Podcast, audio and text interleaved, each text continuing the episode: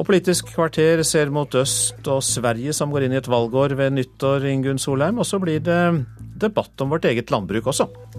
Prisen på bostader har som kjent bare gått én vei oppover, men prisen på en fjøs, et stabbur og en kårbostad kan staten sette et tak for inntil videre.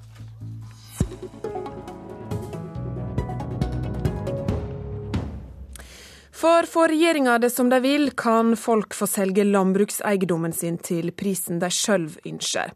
I dag har styremaktene rett til å bestemme at prisen noen er villige til å betale for en gard med konsesjon, er for høy og må settes ned. Målet har vært at det skal være enkelt å komme seg inn på landbruksbostadmarkedet, men ikke nødvendigvis like gunstig å selge den.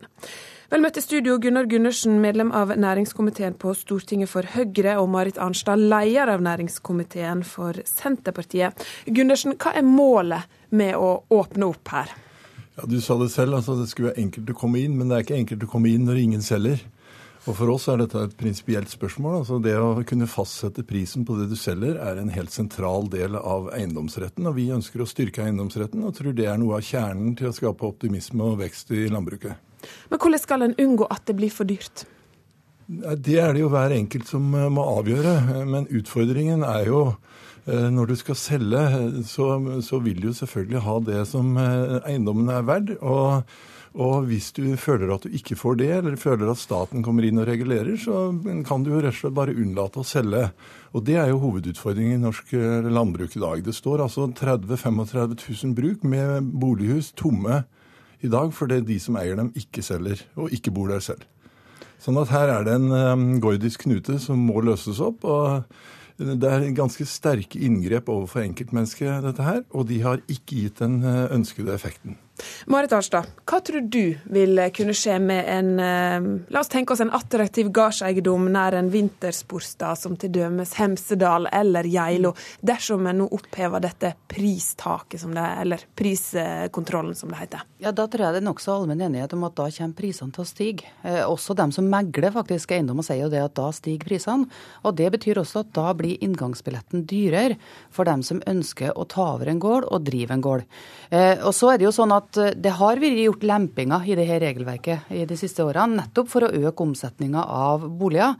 Du har økt boverdien, eh, og du har også økt på en måte, ikke bunnfradraget, men altså det laga en, en, bunn som gjør at det, de minste eiendommene er lettere omsatt.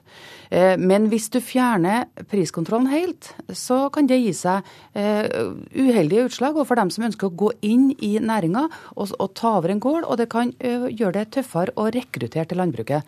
Og så tror jeg vi også skal se det litt i sammenheng med andre ting som denne regjeringa har varsla. De har jo også i regjeringserklæringa varsla at de ønsker å fjerne boplikten. Og hvis du gjør det, både fjerne priskontroll og boplikt, ja da har du en cocktail som kommer til å gjøre det meget tungt for dem som ønsker å gå inn i næringa og konkurrere, fordi da må de konkurrere med kanskje rene investorer i de mest populære områdene. Fri flyt og eh, fullt prisfest i landbruket, Gundersen? Nei, det der har jeg ingen tro på. Jeg tror ikke landbruket rundt omkring i det meste av Norge kommer til å være særlig interessant for eh, investorer. Det, det som eh, er erfaringen fra Sverige, Sverige har jo ganske fritt marked på det der, det er jo at lokale kjøper utenbygd selger. Det er det store bildet. Så er det selvfølgelig noen sånne spesielle eiendommer som kanskje tildrar seg en, en oppmerksomhet. Men, men Arnstad svarer jo ikke på det faktum at når du prisregulerer, så selger ikke folk. Så det er umulig å komme inn i landbruket i dag med mindre du kommer inn gjennom familien. Og det vet også Arnstad, de er ikke konsesjonsbelagt. Sånn at vi snakker jo om i de tilfellene hvor man skal selge ut av familien. Og da syns jeg det er direkte urimelig å tro at en selger skal subsidiere en som man ikke kjenner, og som kommer utenfra og som vil inn i næringen. Det må vi eventuelt ordne på andre måter hvis det blir et problem. Altså, det er jo sånn, Jeg har jo nettopp sagt det, at vi har jo, det har jo skjedd endringer de senere årene der du har foretatt tillempinger og endringer i regelverket nettopp for å kunne øke graden av omsetning. Men fortsatt kan Men kommunen en... si at denne prisen ja. er for høy, og ja. en må legge en lavere ja. pris på salg av en aktuell eiendom. Her er det en interesseavveining. Det må vi være eh, klar over. Her er det en interesseavveining mellom på en måte selgers interesse og kjøpers interesse. Eh, og noe av det samfunnet har gitt som signal gjennom priskontrollen, det er det at vi ønsker å backe opp omkring dem som skal rekruttere rekrutteres inn i næringa, som skal ta over en gård, som skal investere i den gården. Og vi vil ikke gjøre inngangsbilletten for høy for dem. Nå skyver du på en måte interessene over til den som skal selge en eiendom. Og Det, er, det, det, det må man erkjenne at der er det en interessekonflikt, der samfunnet tidligere har tatt et klart valg, og som Høyre og Frp nå forskyver. Men priskontrollen i seg sjøl er kanskje ikke det mest dramatiske. Det mest dramatiske er jo kombinasjonen av priskontroll med de andre tiltakene som denne regjeringa også Særlig boplikta. Fordi de sier i regjeringserklæringa at de skal oppheve boplikta på landbrukseiendommer. Hvis du kombinerer det med også en fri prissetting, da jeg tror jeg det at du kan få gårdsbruk i populære områder, og det er ikke bare noen få områder, populære områder som blir rene investorobjekt. Eh, jeg kommer fra et bynært område sjøl, og jeg ser godt hvordan det kan påvirke prisen på landbrukseiendommer i mitt område, og det tror jeg også kommer til å skje rundt andre store byer og i populære fritidseiendomsområder. Men altså, Boplikt gir jo ikke bolyst. Bolyst er arbeidsmarked og tilgang på arbeid som gir, og det er en helt annen utfordring. Vi ser som sagt i dag med gjeldende regime at det står 30 35 000 bruk eh, med, med bolighus tomme.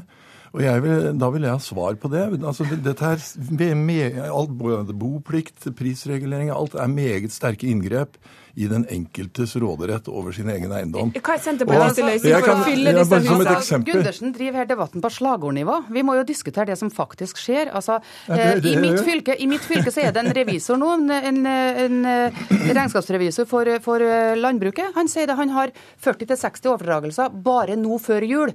De vil jo gjerne gjøre det før jul, for de er jo redd for de forslagene som Høyre har kommet med når det gjelder arveavgift. Ja, det men, men, det betyr jo at det er jo tull å si at det ikke omsettes landbrukseiendommer i Norge. Sjølsagt gjør det det. Det vi snakker om nå, er hvilke interesseavveininger som skal ligge til grunn for samfunnet i årene framover. Skal du legge vekt på dem som skal rekrutteres inn i næringa, dem skal kjøpe, som kjøper en eiendom, og de mulighetene de skal ha til å kunne drive landbruk på den eiendommen. Ja, Gundersen, hvordan skal en unngå at det blir mer attraktivt å selge enn å kjøpe, når eh, prisene blir ja, men, sett fri? Jeg mener Det er ikke noe uh, poeng å unngå det. Altså, Vi trenger en strukturrasjonalisering også i norsk landbruk. Vi har 100 50 000 eiendommer eh, omtrent. Og leiejordproblematikken begynner å bli ganske stor. altså 40-50% av norsk eh, jordbruksareal leies. Sånn at vi trenger jo mer fart på omsetningen. Det er masse begrensninger på omsetning i, i landbruket. Familietradisjoner og alt sammen. Og det vet også Arnstad, at det er konsesjonsfritt. Men igjen, det står massevis av eiendommer tomme som ikke brukes av dagens eiere. Og det, det begynner å prege Distrikts-Norge. Og Arnstad, som snakker om å diskutere realitetene, hun svarer jo ikke på det. Hun svarer ikke på at dagens system har skapt et landbruk der det, meste, der mye står tomt. Hvordan skal du fylle huset, Arnstad? Jo, For det første så er det gjort lempinger omkring det her spørsmålet. Så jeg mener at det er lettere å omsette eh, landbrukseiendom enn det det har gjort tidligere. Eh, og det andre er jo at jeg er jo ikke enig i at det i dag er stillstand i omsetning av landbrukseiendommer. Tvert imot, jeg har jo prøvd å gi et eksempel på det. Problemet for, altså Det er rene ord for pengene når Gundersen sier at her trenger vi strukturrasjonalisering. Og jeg er sikker på at det mener den regjeringa med Høyre og Frp.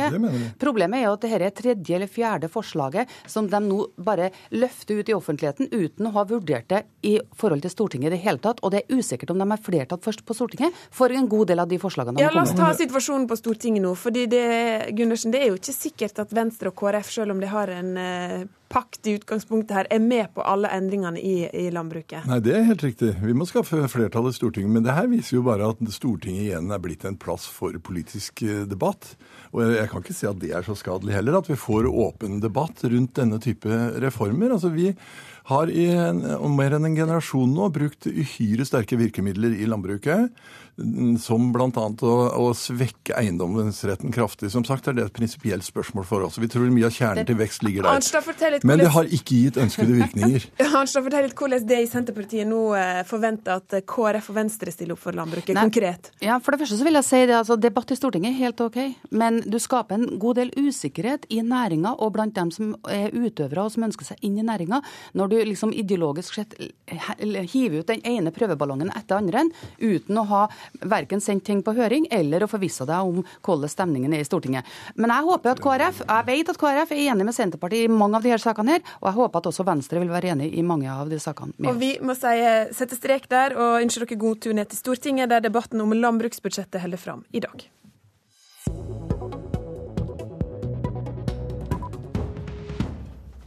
I går avslørte den svenske avisa Ekspressen at en rekke politikere i Sverigedemokraterna har deltatt anonymt i debatter på hatsider på nettet. Avisa siterer politikerne på utsagn som eh, om barn som lider av hungersnød, at eh, jeg håper de svelter seg til døde, og utsagn som derfor tror heller ikke jeg på de som sier at seks millioner jøder mister livet under holocaust. Og I dag skriver Ekspressen at en av våre medlemmene i sentralstyret til Sverigedemokraterna også har gitt uttrykk for støtte til Anders Behring Breivik på disse debattsidene. To av politikerne har allerede trukket seg, bl.a. den kvinnelige politikeren som har uttalt seg om Breivik. Ann Katrin Jungar ved Södertörns høgskole, du forsker på høyrepopulistiske parti. Hva konsekvenser tror du dette kan få for Sverigedemokraterna? Det här är ju inte första gången som Sverigedemokraterna får rensa upp i sina led. Ehm, allt sen Jimmy Åkesson tillträdde som partiledare och i synnerhet efter det att man kom in i riksdagen så har man tillämpat en ganska hård linje och Jimmy Åkesson införde en nolltolerans för medlemmar som uttalar sig på ett, på ett sätt som är olämpligt för partier som inte speglar partiets värderingar. Och man har nu fram till nu äh, uteslutit kanske ett 60-tal medlemmar sen, man kom in i riksdagen. Och konsekvensen av det här har ju varit att äh, partiets väljarstöd har ökat. Och det kan väl ha, finnas två anledningar till det. För det första så bekräftas kanske eh, världsbilden hos de som sympatiserar med Sverigedemokraterna om att, att medier och politiker är ute efter dem och vill svärta dem och att det finns liksom någon slags konspiration gentemot dem. Och sen så finns det väl också en allmän uppfattning att, att partiledningen i Sverigedemokraterna har skött de här äh, sakerna rätt väl. Att man, man utesluter medlemmar på, kanske inte alltid på ett konsekvent sätt, men man, man agerar på det. Och man kan väl jämföra det som sker i Sverigedemokraterna idag med det som skedde i Dansk Folkeparti äh, före 2000, alltså innan man blev ett stödparti för äh, den centerhögerregeringen i Danmark.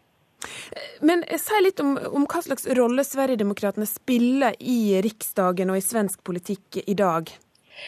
De övriga partierna isolerar ju Sverigedemokraterna. Man har sagt att man vill inte samarbeta med dem, man tänker inte förhandla med Sverigedemokraterna i parlamentet eller i kommunala församlingar för att eh, få stöd för sin politik. Men det här är väl någonting som är under uppluckring nu.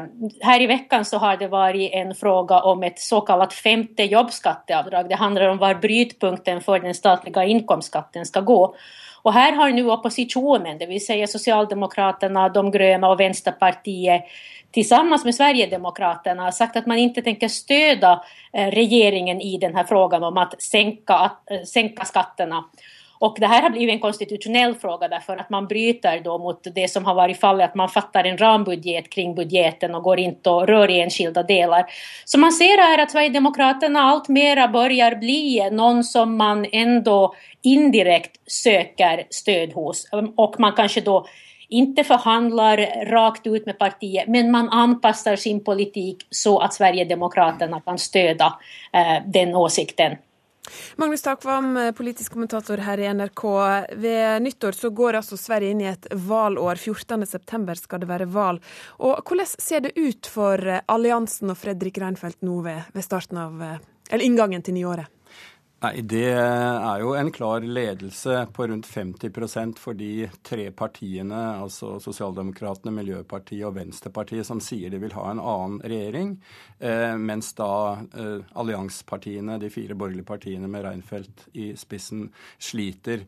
Eh, men samtidig er dette omtrent en tilsvarende ledelse som de rød-grønne hadde på samme tidspunkt før forrige valg i 2010. Så veldig mange peker på at dette dette er ingen opplagt eh, valgseier eh, for, for eh, opposisjonen. Og som vi har vært inne på, så er nettopp Sverigedemokratenes rolle som et vippeparti i Riksdagen det som skaper hodepine, og som er komplisert i, i det svenske politiske landskapet. Ja, Hvordan ligger de an? Nei, De har økt oppslutning. De hadde 5-6% ved forrige riksdagsvalg, og på meningsmålingene har de vært opp mot 10-12% I svensk LO, blant mange grupper der, så har de vært det nest største partiet. Så de truer både uh, si, Moderatene og Sosialdemokratene når det gjelder oppslutning. Og det sosialdemokratene bestemte seg for nå eh, i november, var å si at vi går til valg som parti alene.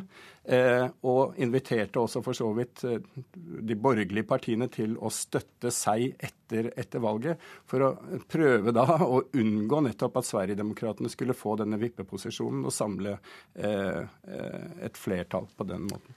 Jungar, det er jo skatt og økonomi og til dels skole som er eh, viktige temaer i Sverige for tida. Men hva sak kan Sverigedemokraterna styrke seg på fram mot valget?